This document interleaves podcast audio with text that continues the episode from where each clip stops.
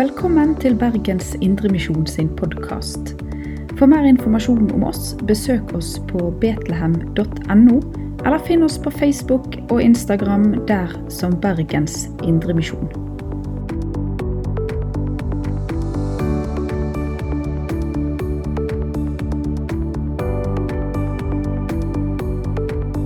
Ja, god søndag alle sammen, har jeg lyst til å si òg.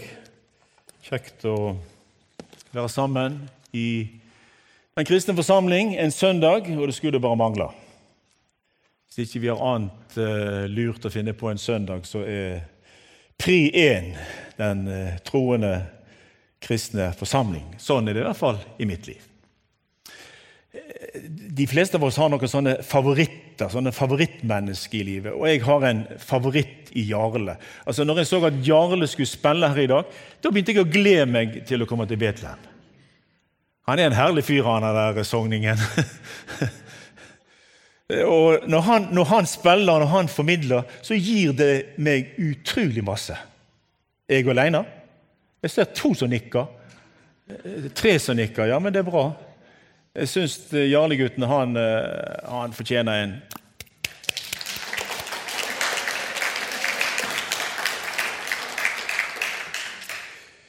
Denne søndagen forventer du gjerne at predikanten taler over det som heter søndagens tekst. Og Den er jeg godt informert om hva, hva den går i. Men så er det ofte sånn å være forkynner og være predikant, så går du og arbeider med noe, og det er noe i Guds ord som arbeider med deg. Og Da kjenner jeg på at det som blir dagens tekst, det blir det Gud har møtt meg med i sitt ord i den senere tid. Nå er ikke jeg lenger en predikant som preker støtt, relativt ofte, men ikke støtt sånn som før, når jeg var mer yrkesaktiv enn jeg er nå. Nå er jo jeg bare en omflakkende pensjonist som av og til bidrar litt i den eh, kristne virksomheten. Jeg har lyst til å ha et tema i dag, og det er kvinner med mot.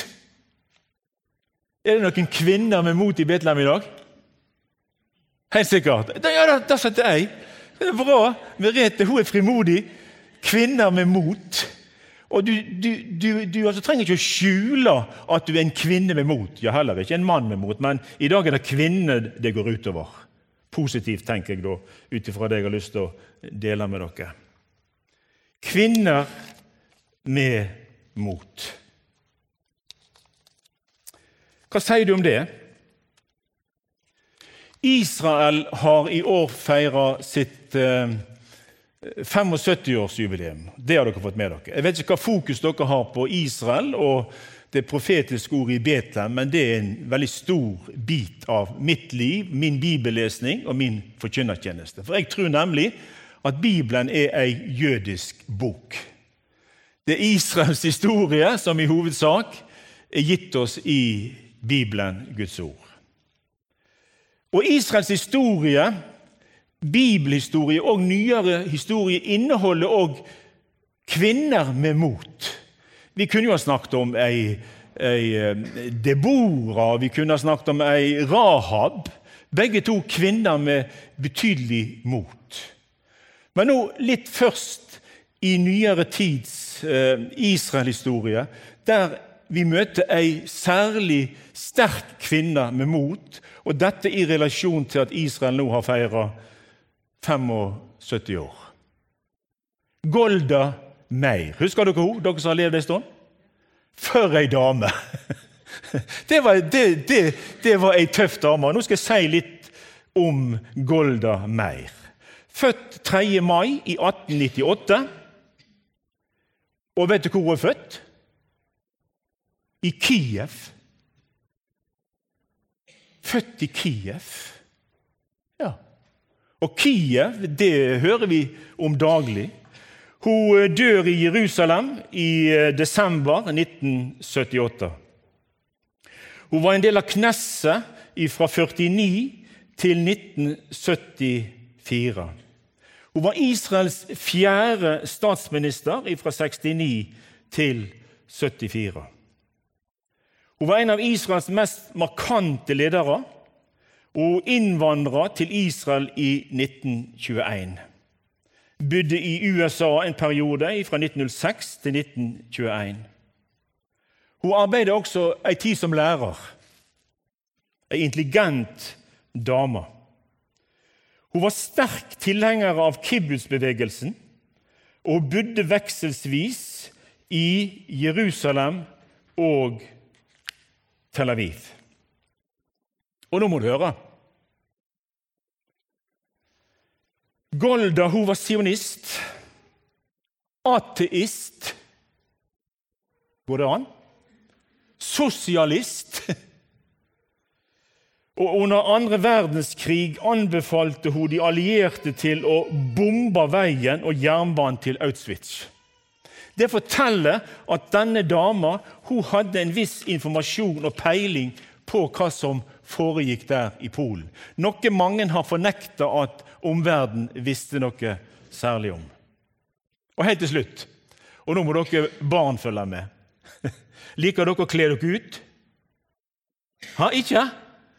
Det store i vår familie opp gjennom tidene, det var når min morfar plutselig forlot familieselskapet. Så hentet han munnspillet og gitaren, og så kledde han seg ut. Og så spilte han sånn her entertainer. Og vi lo så vi skreik, for han var artig. Han var tater. Han kunne dette med å showe. Og når våre, når våre, barn var i familieselskap, så var det alltid populært å kle seg ut. Og vi hadde en sånn egen kle seg ut-kasse med kle seg ut-klær. Og der hadde enkelte av disse klesplaggene de hadde sine egne navn. Og nå må du høre om Golda Meir. Hun tok på seg et hemmelig oppdrag, forkledd som eh, en mann. Og hun reiste til eh, kong Abdullah i Transjordan i et forsøk på å få aksept for staten Israel og hindre krig. Kan du tenke deg, du? Ei dame kler seg altså ut som en mann og så tar hun veien til Transjordan. Og Hvordan hun lyktes med det, det har ikke jeg sånn veldig informasjon om akkurat her og nå når det gjelder den historien. Ei kvinne til med mot. Og nå er vi i Bergen. Byen Bergen. Marie Monsen, som blir født i februar i 1878. Hun lever sitt liv helt til 1962. Hun var i Kina fra 1901 til 1932. Når hun kom til Kina, så sleit hun med å tåle jeg skal ikke bruke det ordet jeg av og til bruker, men å tåle ansiktet på kineserne. Hun syntes de så veldig rare ut. Og Hun skjønte ikke bæret av at hun skulle til Kina, når hun ikke liksom takla eh, ansiktsuttrykket og kroppsspråket til det kinesiske folket. Kan du, kan du tenke deg? Ha? Du kan jo komme i tvil av der.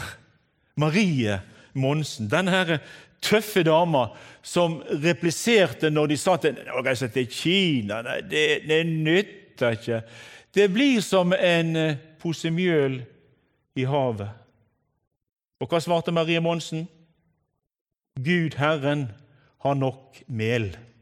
Hun reiser til Kina og hun ble en utrolig sterk evangelist i Kina som det bæres frukter av den dag i dag. Ei kvinne med mot. Hun ble nok ikke særlig kjekt behandla etter hun kom eh, hjem igjen eh, til Norge.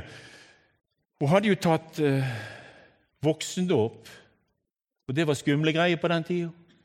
Veldig skumle greier på den tida. Og hun ble, hun, hun, ja, Jeg vil påstå jeg har lest en god del om Marie Monsens historie, og jeg vet hvordan hun blir presentert i den norske misjonshistorien. Hun ble litt utstøtt.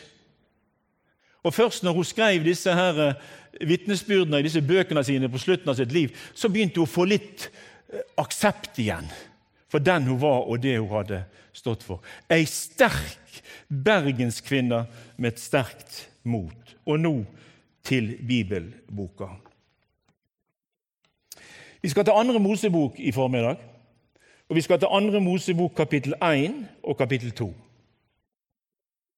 Står det noe vete der, da? Du, du, kan få lov å sitte Og så, og, så, og, så, og så, ser jeg på deg, og så ser du på meg. så flott. Og her i andre Mosebok, kapittel 1, eh, så er vi inne i en veldig spennende historie. Moses han får et veldig fokus, og han må ha veldig fokus. Men eh, det begynte jo ikke med Moses. Det begynte jo ganske dramatisk. Og det begynte med at en betydelig mengde kvinner med mot, og sterkt mot, overbevisningens mot, troens mot, var i kulissene med tanke på Moses' fødsel og Moses' oppvekst og liv. Og Det er det jeg skal si litt om i formiddag. Vi leser fra vers 12 i første kapittel i andre Mosebok. Men jo mer de undertrykte dem, desto flere ble de, og de bredte seg utover. Og de hadde angst for Israels barn. Egypterne begynte å skjelve. Israels befolkning vokste sterkt. Og jo mer de ble plaga, jo mer formerte de seg og vokste de. Jo flere og sterkere truslene ble, jo flere ble de. For et paradoks. Men sånn forteller historien.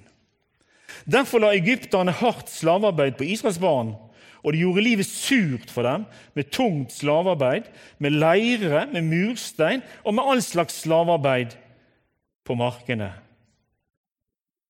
Alt slavearbeidet de tvang dem til å gjøre, var hardt. Jødene, hebreerne, israelittene fikk det kjempetøft i Egypt. Og alt var regissert av Gud den allmektige, som vi sang så flott om i stad. Og når Gud den allmektige styrer historien, så ser ikke vi alltid at det er Gud som styrer historien. Vi tror det er bare det vonde og den vonde som rår.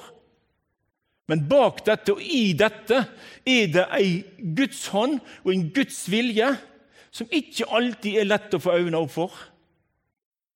Og Derfor har jeg lyst til å si til deg som sitter her i Betlehem i dag, med tanke på fremtiden ingen grunn til panikk. Gud er Gud, Herren er Herren.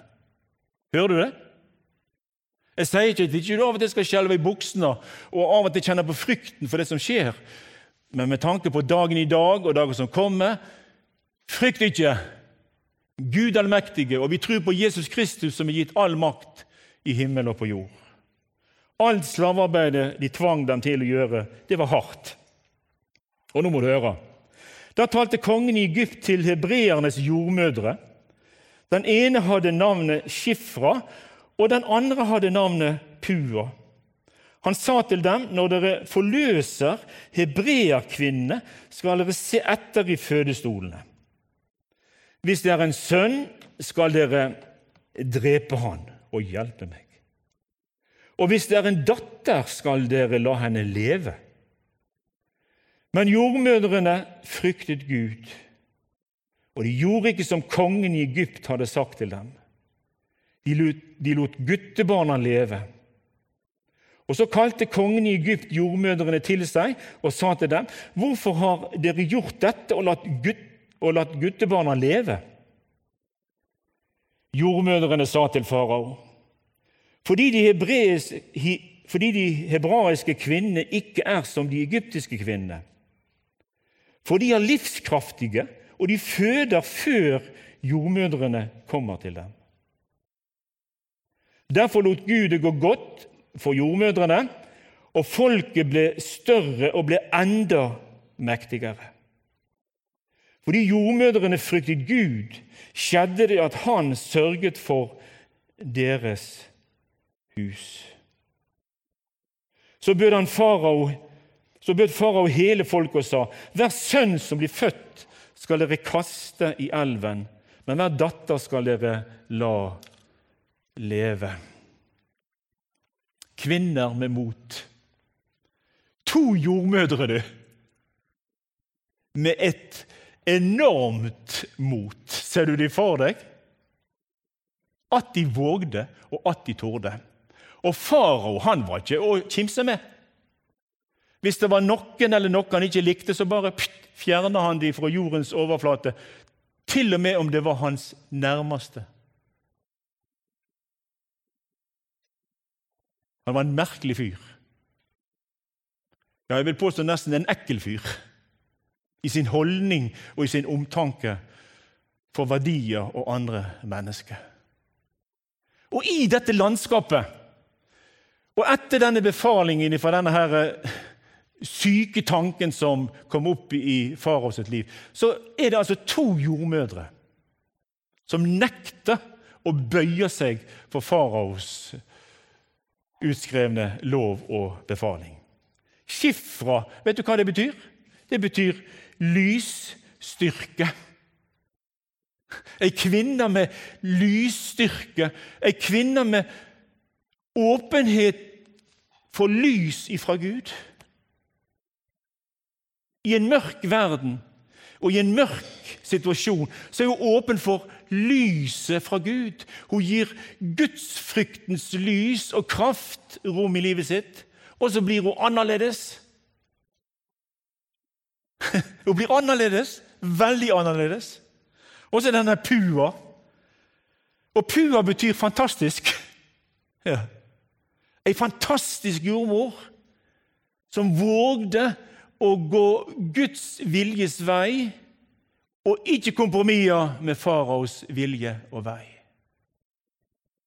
Har vi noen sånne utfordringer i dag?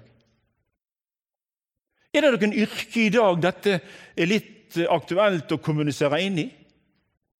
Å ha større gudsfrykt enn menneskefrykt? Å tåle en trøkk og tåle en, ja, tåle en kamp? Jeg tror folkens, vi må bare forberede oss på at det blir mange kamper i mange yrker, i mange bedrifter, i mange familier. Der det vil koste, og der det vil kreve at du og jeg gir rom for lyset fra Gud. La oss opplyse av Gud, så vi tar de rette valg og går på de rette veier. Så vi kan sammenligne oss med disse her to fantastiske jordmødrene i Egypt. Og du ser hvordan det gikk med deg. Fordi de handlet i Guds vilje, fordi de la rom for Guds vilje og gudsfrykten, så gikk det de vel. Ja, men sier du, det er jo ikke alle det går vel for fordi de frykter Gud. Der er jo de som mister livet. Der er jo de som blir myrda fordi de frykter Gud. Og Følger du med på hvordan det i disse dager går rundt omkring i verden, med troens folk, så er det kolossalt med forfølgelse for Jesu navns skyld. Disse kvinnene er et eksempel på noe som vi trenger å strekke oss etter, nemlig i vår tid. Det var to kvinner med mot. Skal vi se om vi kommer til flere. Og Nå er vi inne i kapittel to, og vi kan ikke si alt som burde og kanskje kunne vært sagt om denne situasjonen, men nå er vi inne i kapittel to, og vi er fra vers 1, og det har overskrift 'Moses blir født'. Du snakker meg om å bli født under sånne omstendigheter. Er det noen her som ble født under krigen? Siste verdenskrig? Ingen? Nei. Det var ganske komplisert, har jeg hørt rykter om. Jeg hadde en onkel, og han ble født 9. april 1940. Det ble, det ble heftig. Han fikk polio midt oppi alt. Og de måtte springe, og de måtte rømme, og, og, og det, det, det, ble nøddåp. Og, i, i, i, vår familie opp gjennom tidene har vi alltid hørt om at onkel Jan ble døpt i et vaskefat i kjelleren til Peder V. Og nå er vi på Follesø på Askøy. Den historien gikk. Dramatiske omstendigheter. Født under krigstilstander. Moses er gutten som blir født under betydelige, vanskelige forhold. Og vet du hva? Det kan komme noe godt, og det kan skje noe godt med mennesker som blir født og vokse opp under vanskelige omstendigheter. Det kunne vi ha sagt masse om. En mann av Levis hus hadde gått, og han hadde tatt en Levis datter til ekte. Kvinnen ble med barn og fødte en sønn. Mor Moses hun tar altså sjansen. Denne Jokkebed tar altså sjansen på å bli gravid under disse omstendighetene. For et mot! Jeg er ganske overbevist om at denne mor til Moses hun hadde blitt minnet om at du skal la deg bli gravid. Du skal ta sjansen på å bli gravid på tross av omstendighetene. For det står noe om det i hebreerbrev. Ved tro, står det. Altså i tillit til Gud lar hun seg altså bli gravid. Kvinnen ble med barn, og hun fødte en sønn. Hoi. Da hun så at det var et vakkert barn, gjemte hun han i tre måneder. Men da hun ikke lenger kunne gjemme han, skaffet hun en kurv av papyrus til ham, dekket den med jordbek og tjære, og la barnet i den og satte den mellom sivet ved elvebredden. Hans søster sto et stykke unna, så hun skulle få kjennskap til hva som skjedde med han. Og Her er kvinne nummer fire, og jeg tipper det må være Miriam. Miriam sto der nede med Jordans bredd ved sivet jeg, jeg, jeg var seilte på, på, på, på denne her uh, elva for uh, uh, For mange år siden. Og, og, og, og tenkte var, var, var det her Moses lå? Jeg sa Jordan, Nil, selvfølgelig. For et mot denne her søster til Moses hadde. Står der og ser, speider, lytter. Hvor går det med broren min? Hva blir hans endelikt? Hva skjer? Hva følelser, hva tanker satt mor hjemme med?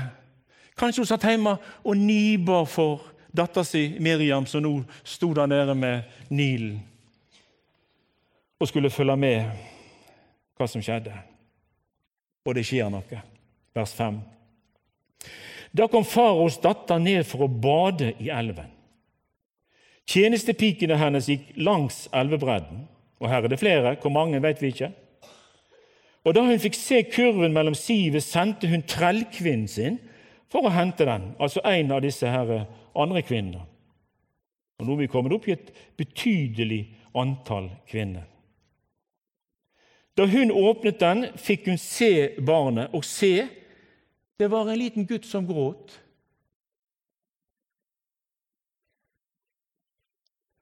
Hun fikk medynk med han og sa dette er et av barna til hebreerne. Jeg satt hjemme her en dag og tenkte hvor i verden så går det?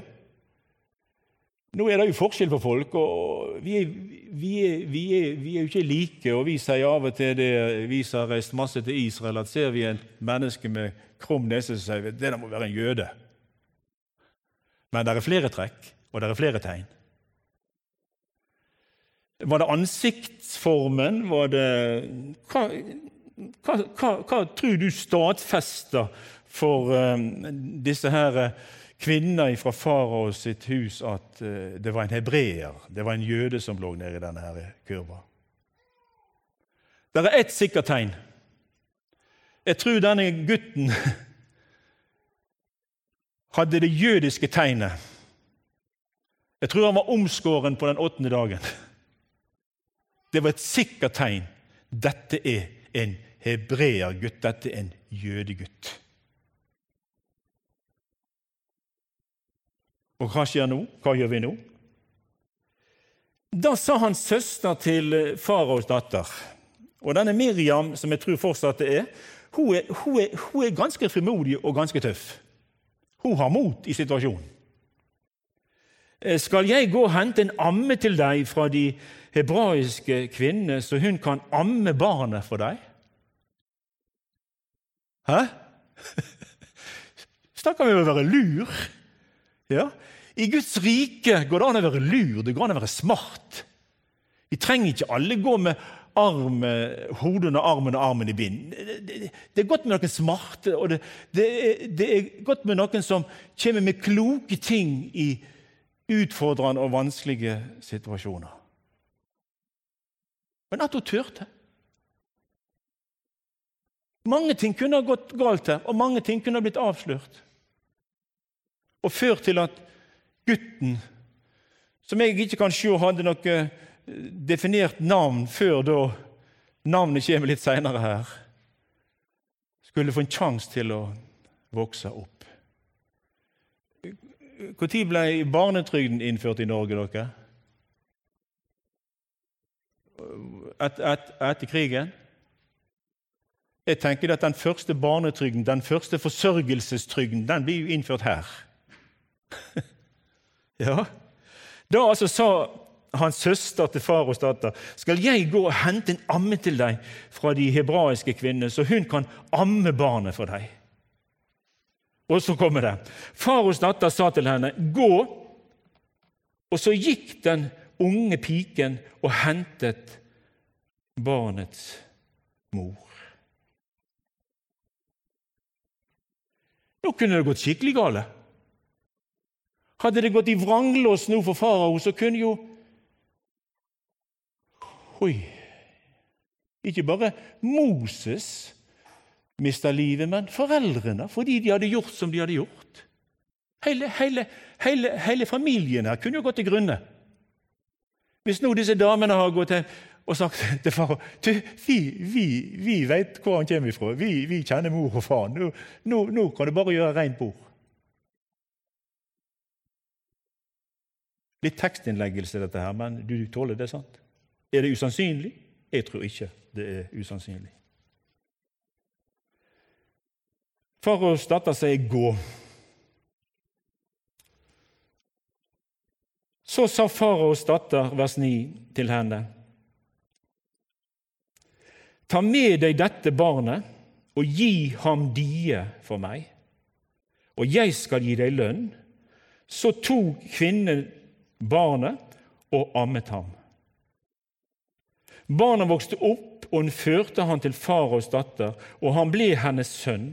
Hun kalte ham med navnet Moses og sa, for jeg har dratt han opp av vannet. For en story! Jeg elsker denne historien, og jeg elsker dramatikken i historien. For den, er et sånt sterkt vitnesbyrd om Guds ledelse, Guds allmakt. Den er et sånt sterkt vitnesbyrd om kvinner med mot. Kvinner som våger å sette sin lit til Guds ord, Guds løfte, Guds suverene allmakt. Ser du det? Det er et kjempeflott vitnesbyrd, dette, tenker jeg. Hvor lenge, hvor lenge tok mora seg av Moses? Det, det, det vet vi ikke noe om. Når kom han inn på faraos uh, slott? Det vet vi ikke noe om. Jeg klarer ikke å lese noe ut av den videre historien, uh, hvor gammel han var. Men om han bare skulle være to-tre år så tenker jeg at det oppholdet han nå fikk videre i heimen til ei gudstruende mor, en gudstruende far, var med å forme han og danne han og putte så mye ballast inn i han at om han bare var en liten gutt, en barnehagegutt, kom inn i hedenskapet i faros hus og heim, så var det lagt noe så sterkt ned i Mosesgutten at han sto pålende støtt, troens prøve, mest sannsynlig til han var 40 år. Og Du kan tenke deg den påvirkningen han var utsatt for der eh, hos, eh, hos, hos, eh, hos farao. Han kunne jo ha blitt prins, han kunne jo ha overtatt tronen. Kan ei mor og en fars gudstru og gudsfrykt påvirke en ettåring? Påvirke en toåring? påvirke en treåring? Jeg kommer med den påstanden her i dag. At som troende mor og far kan din påvirkning av små barn, ja faktisk før de er kommet ut av mors liv, ha en evig langtrekkende, varig betydning for hvordan dette barnet vokser opp, hvordan troen blir bevart, og tilliten til Gud blir liggende i livet. Og Det kan se ut kanskje i noens liv at de, de, de, de har vokst opp med mor og far som, som er gudstruende og sterktruende. Og så ser det ut som de har forkasta det, men jeg tror det ligger der. Og Gud kan en dag hente det frem og gjøre store, gode ting. Og Derfor har jeg lyst til å si, si til dere som er mødre og dere som er kvinner Vær dere bevisst at dere har et særlig gudgitt kall til å plante og putte inn i små barns liv det evige livsord. Og de har en fantastisk virkning. Her er så masse å si men jeg har bare lyst i avslutningen Du kan, du kan lese videre historien om Moses. Den, den, den fikser du sjøl. Og du fikser selvfølgelig òg dette sjøl ved å lese det og reflektere over det. I apostlenes gjerninger finner vi et resumé av, av denne her Moses-historien i kapittel 7. Eh, det er Stefanus' sin tale. og Hvis du leser fra vers 20 i kapittel 7, eh, så står det at på den tiden ble Moses født, og han var til behag for Gud. Og han ble oppfostret i sin fars hus i tre måneder, men etter at han var satt ut, tok far og datter ham opp og fostret han opp som sin egen sønn. Så kan du lese det avsnittet der, men jeg har bare lyst helt til slutt å lese avsnittet i Hebreerne 11. Det er et kjempeflott kapittel, syns jeg, å, å, ha med òg i relasjon til Moses, og ikke minst i relasjon til kvinner med mot. Og Hør hvordan det begynner der i vers 23. Ved tro ble Moses gjemt, skjult, av sine foreldre. Ja, Faren var med på laget òg, selv om det er kvinner som er litt mitt fokus her i dag. Ved tro ble Moses gjemt av sine foreldre i tre måneder etter han var født. Fordi de så at han var et vakkert barn, og de fryktet ikke kongens befaling. Folkens, her i Betlehem denne søndag formiddag, jeg tror vi må ta en skjerpings her. Jeg tror vi må begynne å øve oss på å ikke frykte øvrighetens befaling om de mange saker og ting som i dag flyr gjennom luften. Her er mange ting å bli uh, urolig for. Ja, kolossalt mange ting. Og vi som Guds folk, som troens folk, må, det må få være noe av det samme kaliberet som mor og far Moses. Ved tro nektet Moses da han var blitt stor, å kalle sønn av faraos datter. Dette som var planta i han der i heimen, med mor og fars påvirkning og forbønn, og hele den perioden han ikke var i heimen, men var hos farao, den kom til utløsning når han er sånn ca. 40 år. Vet, Moses' liv den er delt i tre sånne 40-årsbolker. Fantastisk historie. Ved tro nektet Moses da var blitt stor, og kalles sønn av faraos datter. Han valgte heller å lide ondt sammen med Guds folk enn å ha en kortvarig nytelse av synden. Han holdt Kristi vanære for en større rikdom enn skattene i Egypt, for han så frem til lønnen. Ved tro forlot han Egypt uten å frykte for kongens frede, for han holdt ut som om han så Han som er den usynlige. Ved tro innstiftet han påsken med påstrykning av blod, for at han som ødela de førstefødte, ikke skulle røre dem. Ved tro gikk de gjennom Rødehavet som på det tørre land, mens egypterne druknet da de forsøkte å gjøre det samme. Jeg leser av og til i en svensk studiebibel, og i den svenske studiebibelen så står vers 23 i kapittel 11 i Hebreabrevet gjengitt på denne måten. Mose forelder trodde på Gud. Når de så at Gud hadde gitt dem et uvanlig vakkert barn, lita de på at Gud skulle redde honom fra den død som kong farao hadde gitt befaling om. Og de, og de gjemte honom under tre måneder og lot seg ikke skremmes.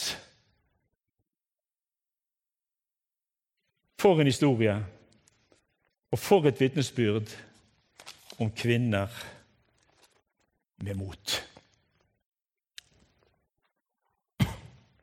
Nå bryter liturgien, folkens. Har dere kvinner lyst til å reise dere?